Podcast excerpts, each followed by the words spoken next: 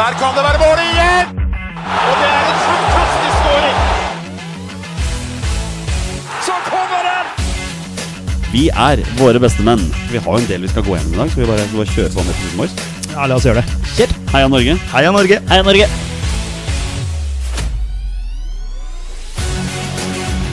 Takk, Ole Gunnar Solskjær!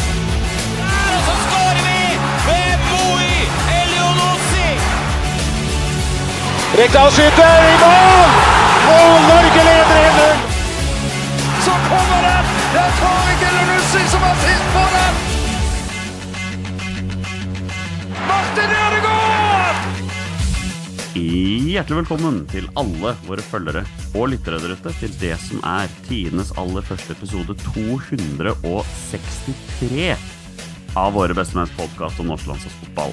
Mitt navn det er Jonny Normann Olsen, og i dag er jeg etterlatt til meg selv. Eh, Min makker Petter Hermansen hadde dessverre ikke mulighet til å ha, være med, men da er det hyggelig at vi har fått besøk av U21-landslagsspiller og ikke minst HamKam-spiller Halvor Rødølen Oppsal. God kveld, Halvor. God kveld, god kveld. Sa Veldig jeg, hyggelig å være her. sa jeg navnet ditt riktig? Rødølen? gjenta det igjen. Halvor Rødølen Oppsal? Ja, Rødølen, Oppsal. Ja, Rødølen. Godkjent. Godkjent. Ikke sant? Det er noen sånn dialektsgreier der som han er litt usikker på, ikke sant? Godkjenner den. Ja. Ikke sant? Du, hvordan går det med deg?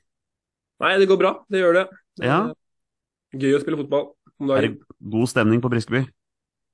Ja, det er eh, blitt bedre og bedre stemning der utover, eh, utover året. Så, så vi håper jo at, eh, at vi skal klare å berge, berge plassen i år. Det håper vi. jo. Ikke, ikke sant? Og nå er du jo en av de som tydeligvis er fast i førsteelveren på U21-landslaget òg, så for deg må jo fotballivet må jo smile for tida. Ja, akkurat nå så smiler det. Så det har jo vært, uh, vært en uh, litt sånn så som så sesong, hvor jeg har vært litt, uh, litt skada og sånne ting. Men endelig tilbake, tilbake for fullt og med på U21 og klar for siste innspurt med HamKam i år, så det blir veldig bra. Ja, blir en deilig fotballhøst som vi bare gleder oss til. Du, vi hadde U21-landslagskeeper Magnus Sjøeng i poden vår i forrige uke.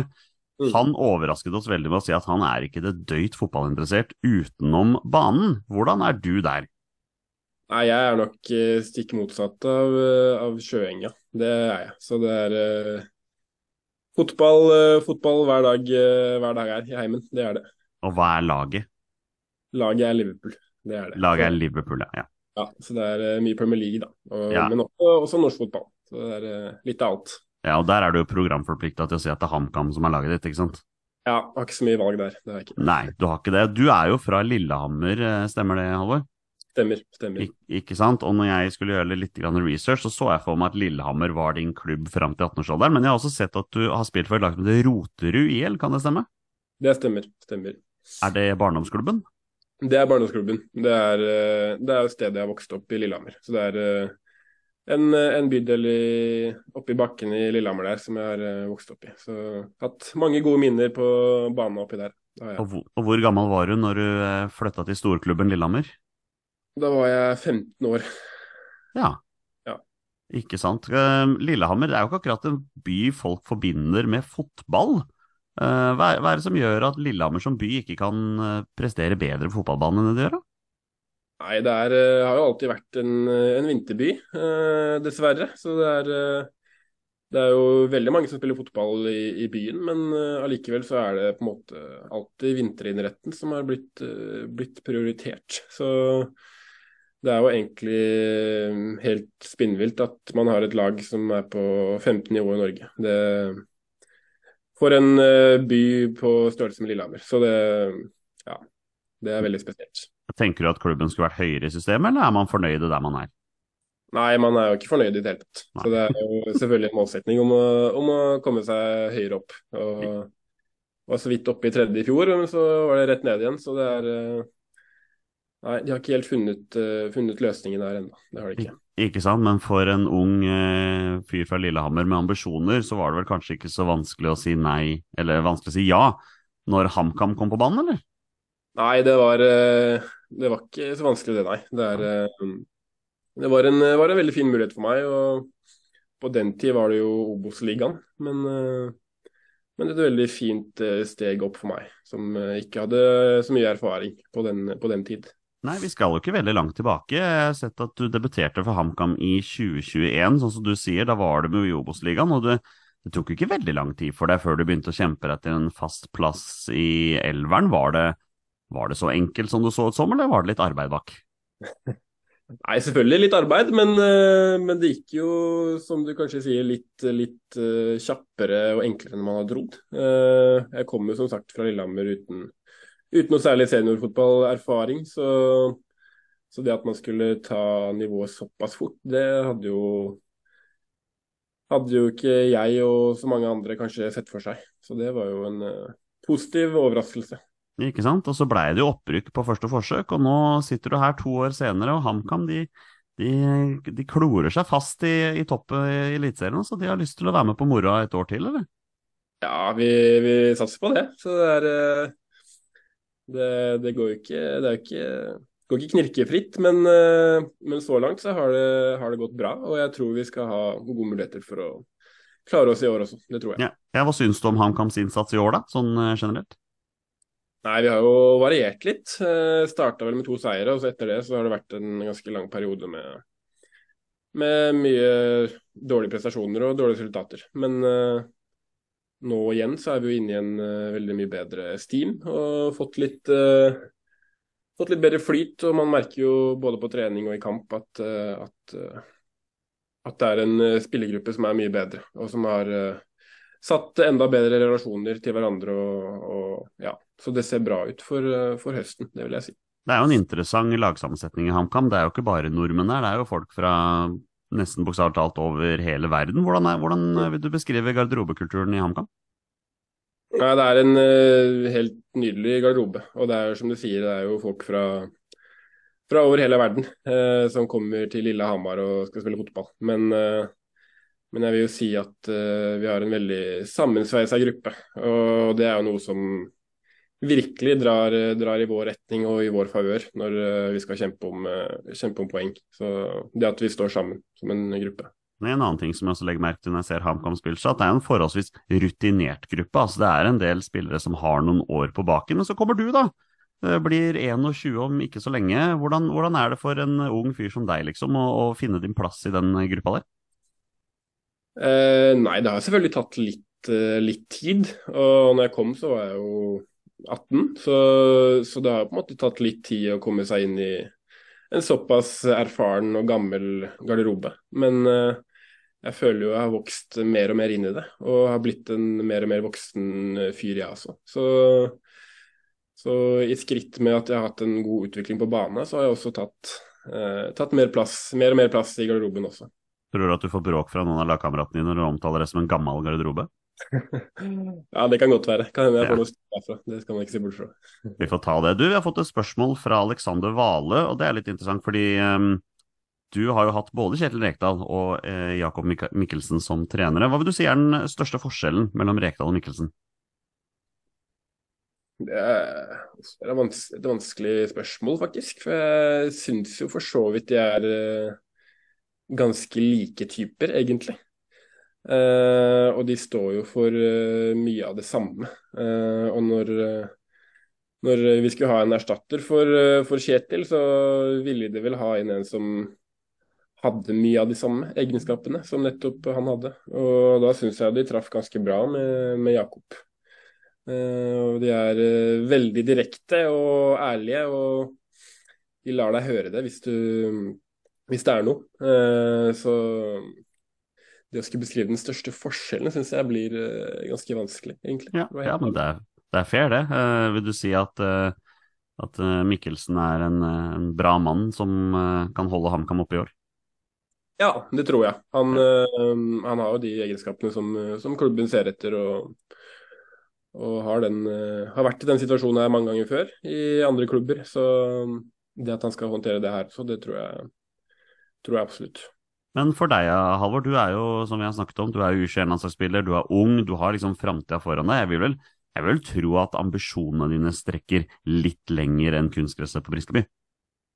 Ja, såpass, såpass, ærlig må man jo være, selvfølgelig. Det, man har jo selvfølgelig selvfølgelig større ambisjoner enn en HamKam og Norge, selvfølgelig. Eh, hvis ikke tror jeg det hadde vært noe, vært noe galt. Så selvfølgelig så er jo det, det målet å en dag ta, ta, det steget videre.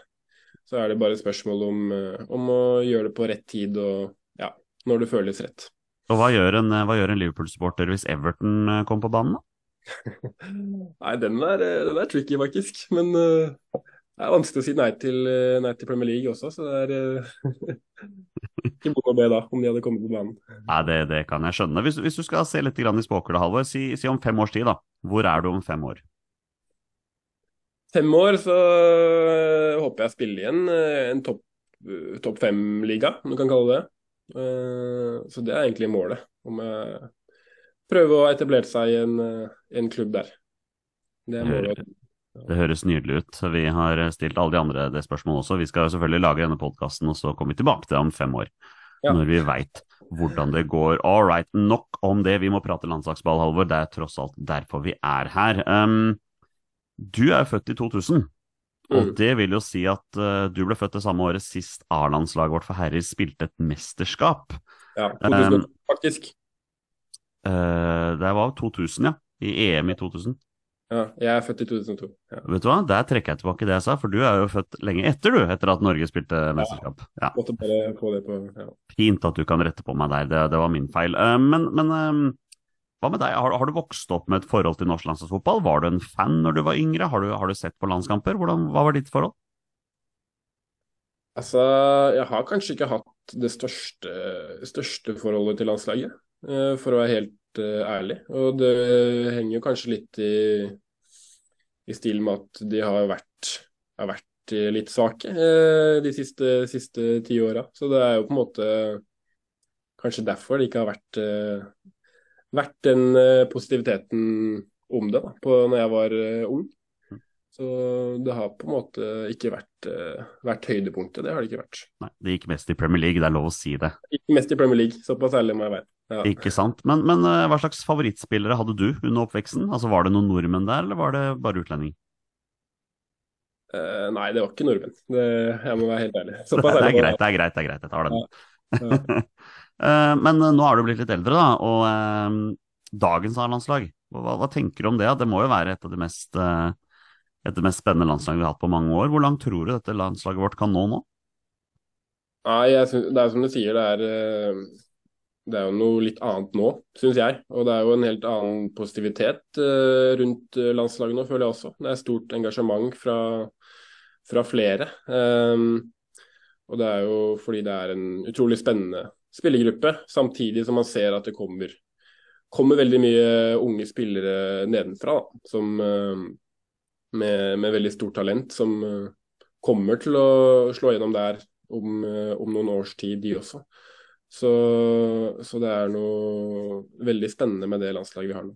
Det er, jo ikke, det er ikke til å stikke under en stol at A-landslaget vårt har noen defensive utfordringer. Altså For en, for en forsvarsspiller som deg, så må du kan du vel ikke unngå å tenke at ja, her er det håp om en A-landslagsplass etter hvert?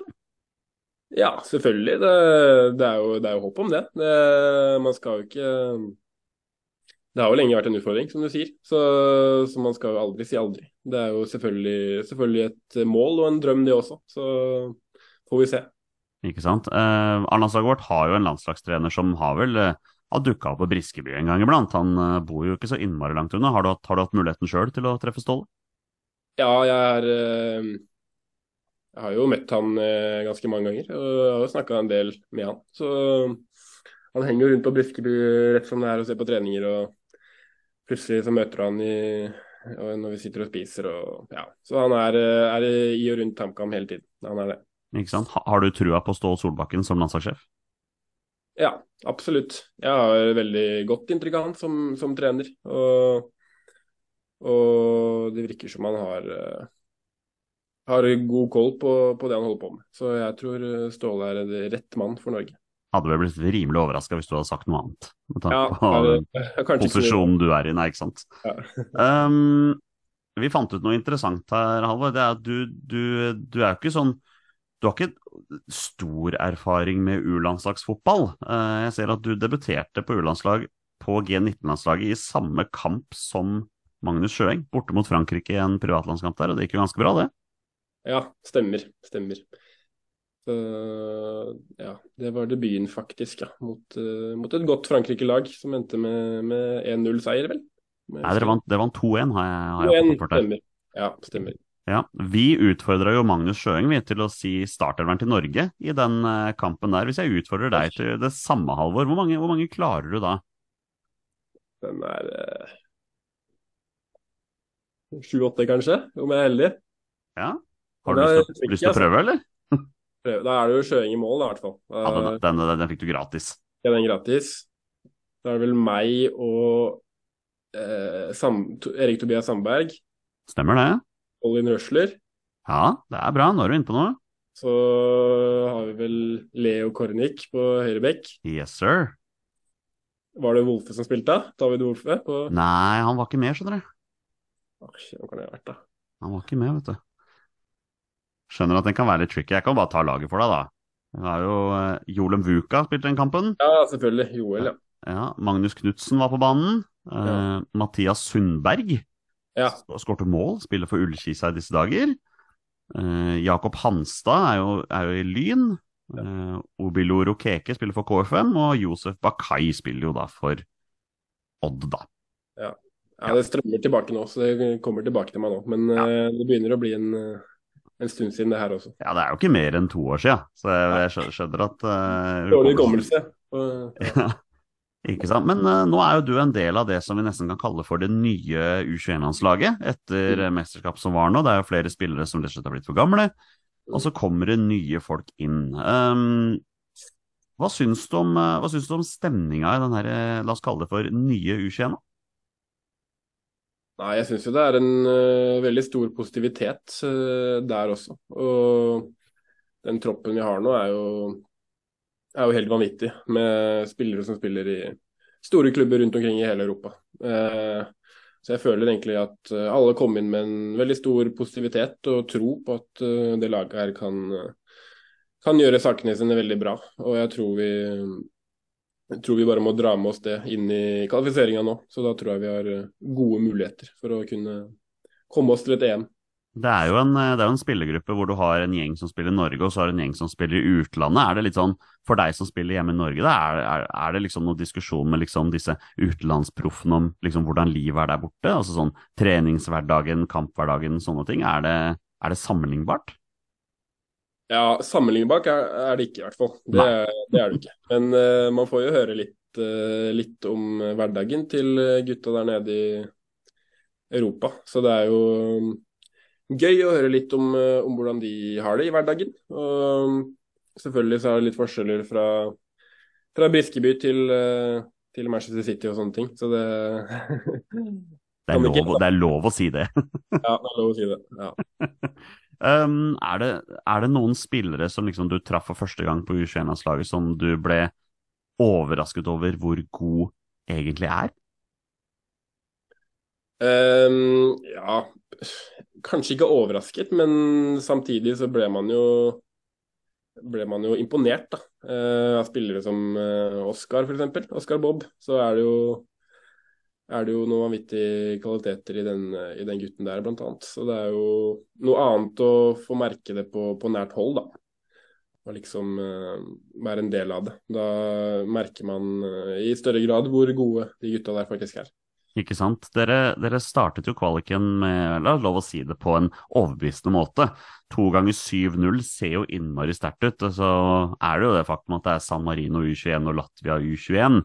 Um, når vi snakket med Sjøeng forrige uke, så sa han at det å møte sånne på papiret ganske svake lag, gjør at man egentlig blir litt mer på litt mer på tå hev. Man liksom Man holder seg liksom mer forberedt på at det, selv om lagene er svake, så kan det eventuelt komme en sjanse imot ut av ingenting. For deg som spiller forsvar, da, hvordan er det egentlig å spille mot to sånne landslag som du egentlig veit du skal være mye bedre enn, og at du tenker at ballen ikke skal være så veldig mye bak hos dere? Nei, jeg syns uh, nesten sånne kamper er uh, vanskeligere å spille enn uh, en de som er litt, litt, jevnere. For da er det som du sier at man står bak der uten å være en del av spillet i ganske lange perioder, og så er det oppstår det situasjoner helt ut av det blå, hvor du må være påskrudd. Eh, om du ikke er det, så, så er, det, er, det, mål imot og sjanser imot. Så det er på en måte en, en litt annen, annen, måte å spille fotball på. Men eh, du må være, være utrolig påskrudd i de, i de, kampene også, selv om eh, lagene er svakere. Ikke sant. Og dere har jo i tillegg til Latvia San Marino, så er det da Italia, Irland og Tyrkia som er, som er, resten av gruppa. Hvordan vil, du, hvordan vil du se på Norge U21s muligheter til mesterskap fra den gruppa der? Nei, mulighetene er, er veldig gode. Det er, jo, det er, jo, bare ett lag som går videre, faktisk. Så man må jo vinne gruppa. Men, men på papiret så er det vel kanskje oss og Italia som er, er de største favorittene. Eh, så det blir vel kanskje, kanskje en kamp mellom, mellom oss, eh, oss, to eh, om hvem som tar den førsteplassen. Ja, hva, hva, kan du si om Italia, da? Så har dere begynt å, har dere begynt å titte litt på dem? Eh, sett så vidt på, noe, på noen lagoppstillinger fra de kampene de spilte nå. Eh, men eh, bare titta, titta, så smått. Så det blir spennende å se hva de, hva de kommer med nå mot oss. Det er jo nå i oktober, faktisk. Så det blir spennende å se hva de stiller med. Men ambisjonene er klare, dere skal til mesterskap? Det er klinkende klart. Vi skal ta den uh, førsteplassen. Ikke sant. Uh, U21-landslaget har jo også fått ny landslagstrener, og Jan Peder Jalland var gjest hos oss han rett etter sommerferien. Hvordan, hvordan vil du beskrive Jan Peder Jalland som trener og som person? Uh, nei, han er veldig rolig, rolig og beherska fyr. Uh, litt annet enn en det jeg er vant til eh, hjemme, holdt jeg på å si. tror jeg på. Nei, men det er, han er, rolig og beherska, men samtidig så er han, er han veldig tydelig og, og, direkte når han må. Men han er ikke den som står på, på sidelinja og, og skriker uh, under kamp. Men uh, han har en veldig tydelig måte i hvordan han har lyst til at vi skal spille fotball. Uh, og han gir gir rom for å, for å, prøve og rom for å feile. Og er jo tro mot, tro mot den spillestilen vi har, da. Uansett om vi møter San Marino eller om vi møter Italia. Ja, Vil du si at han, han har lagt opp til en spillestil som får fram det beste i den troppen som dere har tilgjengelig? Ja, jeg syns jo det. At vi, vi, spiller jo en veldig spillende fotball. Uh, og en ganske annen, uh, annen, spillestil enn det jeg er vant til uh, hjemme. Men det er en, en, fotball som får fram kvaliteter i mye av de kvalitetene vi har da, i gruppa. Så det er veldig mange gode ballspillere spesielt, som liker å utfolde seg med ball. Ikke sant. Du, du spilte jo mot, uh, mot, Latvia, så spilte du en, en treer bak der med uh, Leo Gjelde fra Leeds og Eskil Ed fra, fra Lillestrøm. Vil du si at dere tre er trygge sammen bak der? Ja, det var vel Ja, vi spilte vel en firer, faktisk. Nei, jeg følger med på uh, football score, eller hva det heter for noe. Ja, Flash score heter det vel, så da, er, da får du skylde på dem. Det var firer, ja. Wolfe i tillegg, vel, så er det fireren i boks. Ja, riktig. Så det er Gjelde du som er din makker bak der? Ja, stemmer. Ja, vil si, ja. Og dere, dere er gode sammen, vil du si det? Ja, det syns jeg. Det, jeg har jo spilt så vidt med Eskil og Wolfe litt før. Gjelde, Gjelde, var første gang jeg møtte nå, men uh, jeg syns vi fikk uh, løste, det, løste, det, veldig bra nå de to første kampene. Og jeg tror det er en, uh, en sammensetning som kan, som kan, vise seg å funke bra. Det tror jeg helt klart. Hvordan vil du si, vil du si så, nå som du er en del av U21-landslaget, det er flere av spillerne som også spiller hjemme i Norge, så er det ikke så å unngå at du møter dem i kamp også. Er det, er det, lett å liksom legge fra seg vennskapet da i to ganger 45, og så er man da kompiser igjen etterpå? Ja, er ikke, man er ikke kompiser når, eh, når, eh, kampen er i gang, det er man ikke. Sånn skal det være. Ja, da legger man fra seg alt som er eh, utenfor banen. og ja, Tar ikke det fram før, før fløyta, fløyta har gått, men da er man kompiser igjen. Uansett hva som har skjedd på banen. Uansett hva som har skjedd. Helt sikkert. Uansett. Det, det, de fleste tilfeller, i hvert fall. ikke sant, du. Vi har fått en del kule spørsmål, så jeg tenker vi skal hoppe inn på det. Men jeg avslutter da denne delen av podkasten med resten av spørsmålet. Hvilket år debuterer Halvor Oppsal på Norges A-landslag? Oi 2028. Ok, så du, du skal være tålmodig en stund til. Tålmodig en stund til. Ja. Ikke sant? Men du er en tålmodig type, kanskje? Du slår meg litt som det. Du, du er layback og du er rolig. Dette skal ordne seg. Ordner seg det. Ikke sant, bra. Vi tar noen spørsmål. Torstein Bjørgo er en fyr som har vært en del av podkasten vår i mange år, måtte dessverre gi seg fordi han har flytta til Lillehammer. Det er litt morsomt. Um, spørsmålet er hvilken eliteserieklubb har den beste stemningen? Banden teller ikke. Beste stemningen, ja. Eh, snakker vi da på, på Briskeby bortesupporter, eller er det Er det hjemme? Ja. Det. Nei, det kan du få lov til å bestemme sjøl, tenker jeg. Hva, hva du foretrekker der. Ja. Det, hvis, hvis de bortesupportere på, på Briskeby, så er det jo noen gode kandidater. Så er det kanskje Rosenborg og Lillestrøm som har lagd, eh, lagd mest liv på, Ja. På, sida vår. Brann nå skal ha, skal ha for oppmøte. Ja. Det er lov, lov å skryte av motstandere også.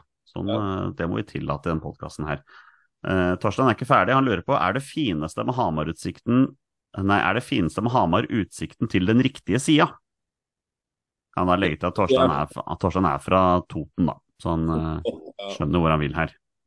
Ja, nei, Gjøvik Gjøvik har ikke mye, mye til overs for, så det Sånn skal det være. Uh, og siste spørsmål er veldig interessant, fordi vi er jo tre stykker i den podkasten her som har forskjellige favorittlag. Um, I en fantasiverden spiller Raufoss, Vålerenga og Skeid i samme divisjon. Av disse klubbene, hvilken ville Halvor ha spilt for, og hvorfor? Nei, her føler jeg jeg blir trengt litt opp i et hjørne. Det er, eh, men eh, det er jo noen her som eh, man rett og Er totalt uaktuelle, rett og slett. Totalt uaktuelle, rett og slett. Ja. Raufoss har jeg ikke lyst til å sette, sette mine føtter i, holdt jeg på å si. Det, Nei, det er lov å si. Det er lov å si. holder vi oss langt unna. Eh, og så er det Hadde det ikke vært spesielt populært med, med Vålerenga heller, tror jeg. Nei, jeg liker hvor du skal hen, for å si det sånn. Ja, Du ser hvor vi ender opp, ja. Så Ja. da har man eh, fort ikke så mye valg, faktisk. nei, men jeg, jeg ønsker deg velkommen til Skeid. Som, som Ja. Skeid-supporter så er jeg veldig glad for det. Uh, hvis, hvis det hadde blitt muligheten. Men det tviler jeg på, tviler jeg på det blir. um, Alexander Valo er ikke helt ferdig. Hvordan er HamKam som utviklingsarena satt opp mot det å spille for et akademi i utlandet? Hvilke fordeler, ulemper ser han her? Det er jo et interessant spørsmål, for du spiller på et U21-landslag med spillere som holder til på akademi i utlandet. Mm. Nei, jeg tror det er, det er jo fordeler og ulemper med, med begge deler. Um, og i akademier så har du kanskje en Om du lykkes, da, så har du en kortere vei til å, til å komme deg opp og fram. Uh, om du lykkes, men samtidig så er det er det jo veldig mange som ender opp med å komme tilbake til Norge. eh, og komme tilbake kanskje dårligere rusta enn da man dro. Um, og jeg tror jo ikke man skal undervurdere det å spille seniorfotball. Og i den alderen jeg er i nå, i hvert fall, så tror jeg, tror jeg det er helt, helt vesentlig for at man skal, eh, skal ta steg og utvikle seg. Um, så jeg tror egentlig det Ja. Jeg tror egentlig det er eh, viktigst. Altså. At, eh, for det er såpass stor forskjell mellom, eh, mellom senior og, og si U23-fotball da, i et akademi i Europa. At da er det veldig mye bedre å spille, spille fast i Eliteserien enn, enn å spille der, når du ikke får muligheter på seniornivå. Nei, Jeg er helt enig med deg der, men det er litt morsomt. Vi kan jo bruke din, eh, din U21-kamerat Oscar Bob som et eksempel. Han spiller jo ikke veldig mye for gigantklubben Manchester City, men han har jo en treningshverdag som ikke vondt ment HamKam ikke har. Uh, så, så tror du, kan den treningshverdagen hans veie opp utviklingsmessig mot det å ikke spille så mye fotball? Ja, du ser jo det at i noen tilfeller så har det jo funka, tydeligvis. Og Oskar er jo et eh, godt eksempel på det, som får en, eh, en eh, litt annen treningskultur hver dag enn det, enn det jeg får her. Så selvfølgelig så, så kan det jo gå i, i visse tilfeller, men, men jeg tror kanskje man ser flere tilfeller av folk som ikke lykkes på samme måte som, som Oskar, da. Og han er, er jo kanskje en av de større talentene vi har hatt og sett i, i Norge. Eh, Så om du ikke har, har det talentet som, som, han har, så tror jeg kanskje, kanskje det er en fordel å, å, holde seg kanskje hjemme i Norge og ja, få spilt eh, seniorfotball, rett og slett. Men du, sikkert, du har sikkert en tøff treningshverdag du også, med å demme opp for folk som Jonas Inkerud og Pål Alexander Kirkevold, liksom. Det er vel noen albuer ute og går der, vil jeg tro. Det er ikke bare bare det, vet du. Så det, det er mange som hadde slitt der, tror jeg. Det tror jeg på. Vi har fått flere spørsmål her fra Mattis Moen, som jeg veit er HamKam-supporter så det holder. Han lurer på hvem er ditt største midtstopperforbilde? Største midtstopperforbilde? Um, sånn når jeg vokste opp, så hadde jeg egentlig aldri noe midtstopperforbilde. For jeg har jo ja, jeg har vært midtbanespiller selv før, så det er egentlig det som har vært uh, mine forbilder. Men uh, om jeg skulle trukket fram noen, da, så Jeg syns jo Tiago Silva eh, en som imponerer meg veldig. Eh, ja. Og spilt på høyt nivå over lang tid. og 39 år og fortsatt boss i forsvaret til, forsvaret til Chelsea der. Eneste som holder de sammen nå om dagen. Så han syns jeg er eh, en, en, bra spiller. Ja. Og selv han er ikke nok til tider for det Chelsea-laget der. Nei, han er ikke det, vet du. Han er ikke det. Men eh, det er interessant. Du, du, når var det du blei midtstopper, da? Nei, det var jo når jeg kom til HamKam, faktisk. Så ja. jeg var jo, var jo midtbanespiller eh, helt fram til da. Helt fram til jeg var 18 år. Så har jeg egentlig vært det. Ja, Var det HamKams plan å gjøre deg til midtstopper, eller bare blei det sånn? Uh, jeg veit ikke. Ja, det bare blei litt sånn, egentlig, tror jeg. Men jeg spilte jo så vidt det var på midtbana i Obos også. Men uh, det ble liksom til at man at man ble flytta ned. Så jeg har bare blitt uh, flytta lenger og lenger ned jo eldre jeg har blitt. Er det, er det en nedtur, eller er det helt greit? Nei, jeg trives, eh, trives som stopper, så jeg, det er ikke noe kjempenedtur. Og jeg får jo, får jo, brukt litt av de ferdighetene man, eh, man lærte seg som eh, midtbanespiller bak der også. Så det føler jo at jeg drar en god fordel av. Ikke sant. Uh, Mattis er ikke ferdig, han lurer på hva er den beste måten å feire en seier? Feire en seier, ja. Uh, det er liksom ikke så mye tid til å feire. Uh, Nei, det er vel ikke det. Sånn, sånn sesongen er. Uh, så for meg så er det ikke noe, noe stor feiring etter en seier, men jeg er veldig glad i å høre på musikk. Da. Så ja. godt humør, så hører jeg på, hører, hører på noe god musikk, og da, da, koser jeg meg. Så det blir ikke et ekstra, det blir ikke et ekstra pizzastykke etter kampen eller en ekstra cola, liksom? Jo, det også unner man seg, da. Man ja. kan unne seg litt uh, litt snacks da etter en, eh, etter en trepoenger. Det må være lov. Uh, min makker her i Våre bestemenn, Petter Hermansen, lurer på, jeg tror egentlig du allerede har svart på spørsmål, men hvilken liga drømmer du om å spille i? Nei, det er Premier League som er store, store målet. det, det, kan jeg skjønne. Bjørn lurer på hvor god er Målpål? Han virker som et mareritt å spille mot. Nei, Målpål har eh, ja, begynt å leve litt opp til eh, navnet sitt ja, i år og begynt å skåre noe litt mer. Så han er en eh, han er en harding, han. Og vond, vond å møte på, på trening og, og, i match. Så jeg tror, tror, det er mange forsvarsspillere som gruer seg til å møte, møte Pål på, på Briskeby. Og og feilvendt så er, vel, er, han vel en av uh, Eliteseriens beste, beste, spillere, vil jeg tørre å påstå. Om ikke den ja. aller beste, faktisk. Så, så han er uh, rett og slett et uh, helvete å møte. Ja, det, er, nei, det, er, helt innafor å si det. Han virker som en robust type. Uh, når du først er inne på dette med Marit å spille mot, en fyr som heter Simon Bakke, lurer på hvilken spiller er den beste du har spilt mot? Oi, beste jeg har spilt mot, ja. Um, hvem er det som gir deg mareritt på kvelden? Det er, oh, den er litt vanskelig, altså. Ja.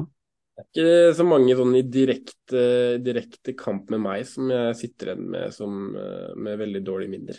Men uh, jeg syns jo Finne i Brann er veldig, veldig tricky å møte. De to kampene vi har møtt i, de i år, så har han vært uh, Når han kommer inn i 16-meteren der og måten han eh, klarer å få skutt på, ja, komme seg til skudd, det er, eh, det er veldig vanskelig å, å, forsvare seg mot. Så han syns jeg har vært tricky å møte. Jeg ser for meg Bård Finnemo er en sånn type som forsvarsspillere syns er ekstremt irriterende å spille mot, med tanke på at han liksom løper på alt, er overalt og bare prøver å plage dere skikkelig, liksom. Ja, du blir liksom ikke, liksom ikke kvitt han. Så han er, eh, han er overalt, og så ja. vans- Vanskelig å, vanskelig å forsvare seg mot. Eh, Jonas Aune Sunde fra podkasten En 69. mann med spørsmålet som jeg allerede har advart deg mot. Eh, koker du grillpølser? Koker ikke grillpølser, det gjør man ikke. Nei, Selv, ikke på, selv ikke på Lillehammer gjør man ikke det. Nei, selv ikke på Lillehammer. Der har vi fått den, vet du. Eh, nei, for grillpølser skal stekes. Selvfølgelig skal de det. Ikke sant. Uh, Marie Ørsnes, jeg vet også hun er HamKam-sporter. Um, bør midtstoppere ha svarte fotballsko? Jeg vet at det er mange som, mange som mener det. Uh, Jeg mener også det, bare så det er klart, altså. Ja, og da passer det bra at jeg nettopp har fått meg noen uh, knæsj hvite, hvite fotballsko.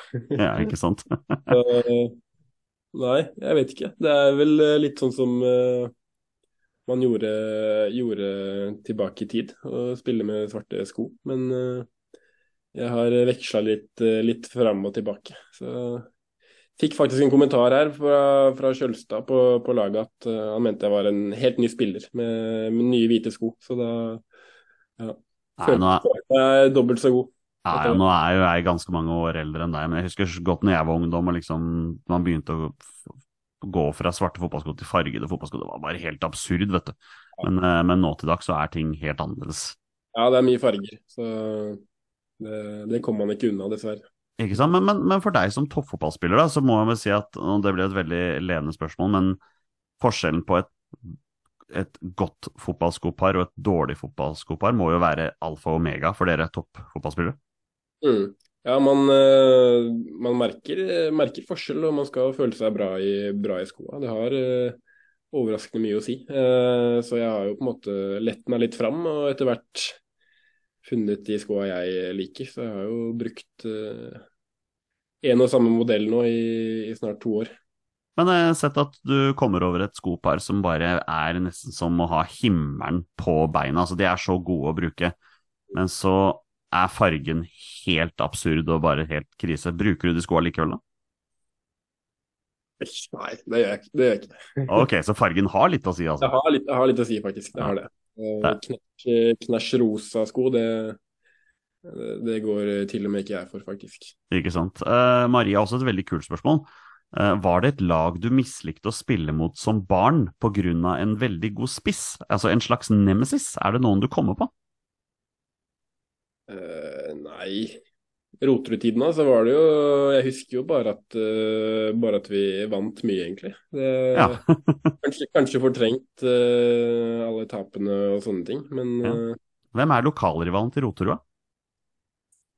Nei, da så var det i hvert fall et lag som heter Nordre Ål, som var på andre, andre sida av byen. Som Ok. eh, var de vi, de vi fighta mot. Så det var Ja, vi vant, vant det meste, men uh, mot dem så ble det alltid jevne og tøffe kamper. Så da, ja. Riktig. Jeg, jeg måtte inn og sjekke. Jeg ser at Roteruds A-lag spiller i sjette divisjon. Eh, Ja. Der har vi ikke noe særlig, særlig å dy med. Det har vi ikke. Nei, nei. Tror du at du spiller for dem før du legger skoa på hylla?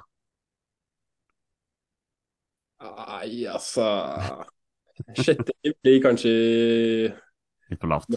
i meste laget, faktisk. Det, Der er det ja, mye, mye tofotstaklinger og ja, høye føtter. Så det tror jeg vi sparer oss for, faktisk. Ja, nei, det er helt fair. Vi har funnet ut i løpet av episoden at du skal spille for Skeid i løpet av karrieren din, så det får bli lavt nok nivå, det, altså. Det skal vi få til. Ja.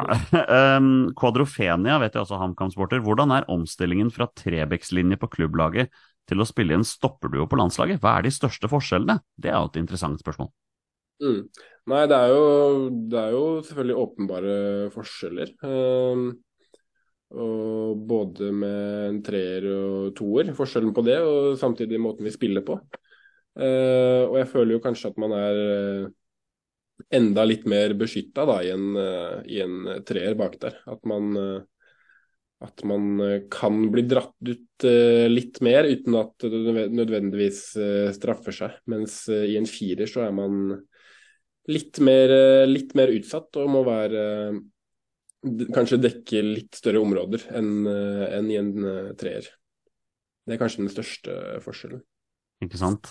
Du har jo fått eh, to nye makkere bak der denne sesongen her, i eh, Bjarnason fra Vålerenga og Norheim fra Jerv. Er det, er det gode folk å forholde seg til? eller? Ja, det syns jeg. Ja. Det, um, det er eh, stoppere som passer, passer bra inn i HamKam, så det, det syns jeg, syns jeg har vært bra. Ja, Nei, men Det er solid. Jeg har bare ett spørsmål igjen, jeg, Mm. Og det er jo superviktig. Det kommer fra Vegard Bjørgå. Er han i slekt med Arve? Arve er ikke noe, ikke noe kjent, altså. Det er Nei. det ikke. Men du veit hvem Arve Oppsal var? Nei, jeg gjør ikke det, faktisk. Nei, Det er helt lov. Tenk Egon Olsen du, fra Olsenmannen, så har vi, så har vi den der.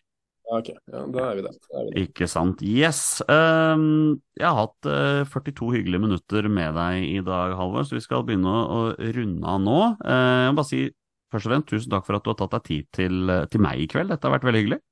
Ja, det er jeg helt enig. Det var en uh, fin og hyggelig prat, så takk for at jeg fikk eh, komme, holdt jeg på å si. Ja, og, og eh, hvilken plass på tabellen ender HamKam på i år? Vi ender på 11. Så klink der dere er akkurat nå, altså. Ja. ja. Syns du det er skummelt at det er, liksom, det er tre lag bak der som bare er tre poeng unna, som også har ambisjoner om å klatre? Eh, nei, jeg ser ikke på det som, eh, som skummelt. Jeg syns det, synes det er moro. Og det er eh, de kampene, kampene her man uh, lever for, holdt jeg på å si. Så det er nå det virkelig drar seg til. Og da er det ekstra gøy å spille. Så ja, Det er det å kjenne, ja, det er da man kjenner at man lever litt, eller? ja det er noe med det. det, med det. Ikke sant, ikke sant. All right, uh, Halvor. Det har vært en uh, fornøyelse. Uh, takk for at du kom, og til alle dere der hjemme, vi er våre bestemenn. Heia Norge, og hei!